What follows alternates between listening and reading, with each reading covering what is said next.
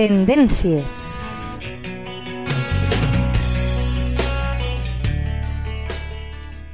Hola, amics de la teua ràdio. Benvinguts una setmana més al Tendències. Aquesta setmana parlarem de com utilitzar el corrector d'una manera adequada, de com aplicar-lo i consells per escollir el que més s'adapti al nostre tipus de pell. És important escollir el to i la textura que millor s'adapti a la nostra pell i també saber com aplicar-lo correctament perquè no apareguin antiestètiques taques a la nostra pell. Eh, hi ha productes de maquillatge que el que poden fer és que el nostre maquillatge quedi perfecte i quedi meravellós o el que poden fer és totalment al contrari, hundir-lo. Eh, la diferència està en com saber utilitzar-lo. Com per exemple passa amb l'il·luminador, que si no l'utilitzem d'una manera adequada doncs correm el risc de semblar una bombeta. Tot el mateix passa amb el corrector, eh, que s'ha convertit en un producte imprescindible, però si no sabem utilitzar-lo d'una manera adequada doncs podem semblar un, un osito panda, si no ens ho, ho, ho no utilitzem d'una manera adequada. I és que no tots els correctors eh, serveixen per a tothom, perquè cada contorn d'ulls té una necessitat específica i eh, depenent de la nostra, del nostre tipus de pell i també del color de, de la nostra ojera, de la nostra ullera. D'acord?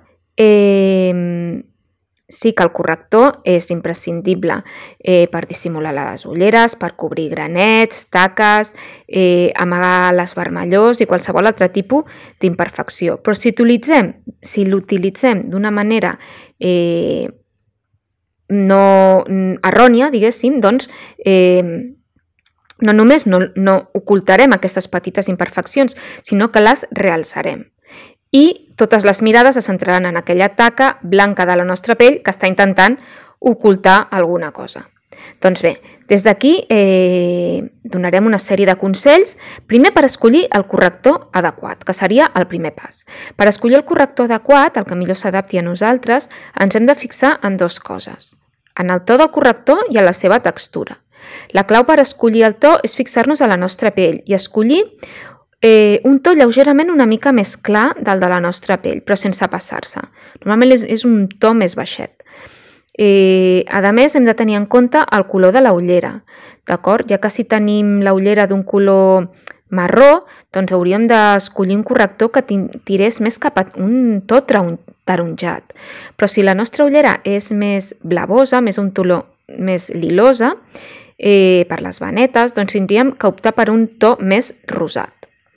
En quant a les textures, també existeixen eh, diferències, depenent de les necessitats de la nostra pell.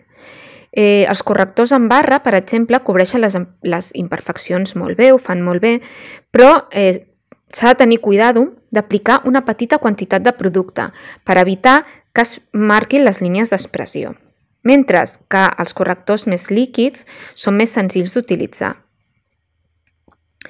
Eh, si, si el nostre tipus de pell és grassosa, també existeixen actualment correctors, correctors amb pols, que són molt bons per acabar amb, amb el brillo.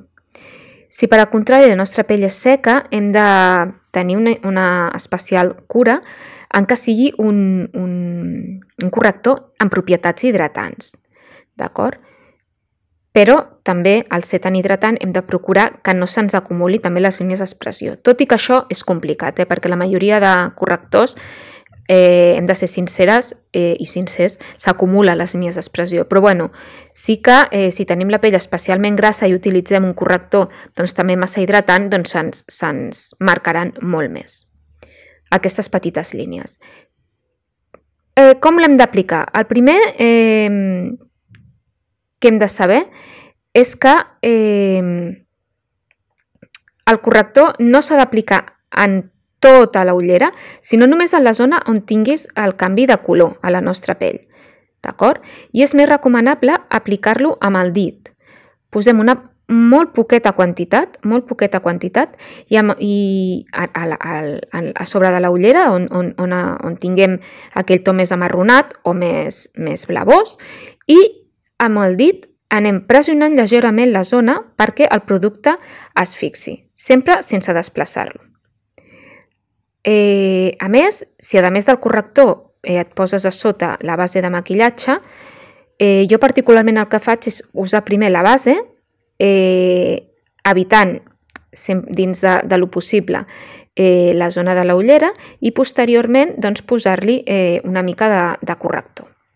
Perquè així el que fem és evitar un excés de producte a la pell i que la zona no es vegi excessivament carregada i també eh, si carreguem excessivament la zona també es veurà eh, una ullera més, més, més vella, no? ens farà un, un...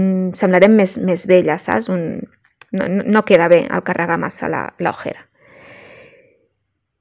I per últim també m'agradaria parlar-vos dels millors correctors segons les nostres necessitats.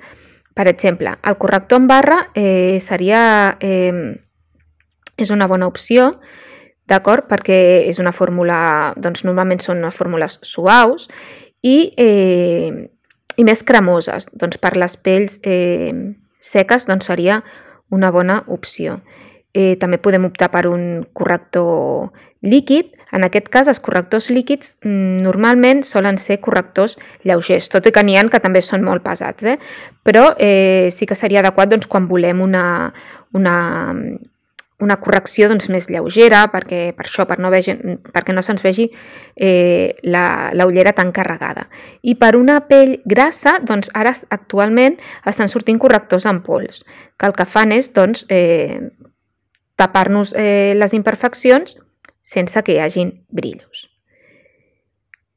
Bé, i fins aquí la secció d'aquesta setmana. Espero que us hagi agradat i fins la setmana que ve.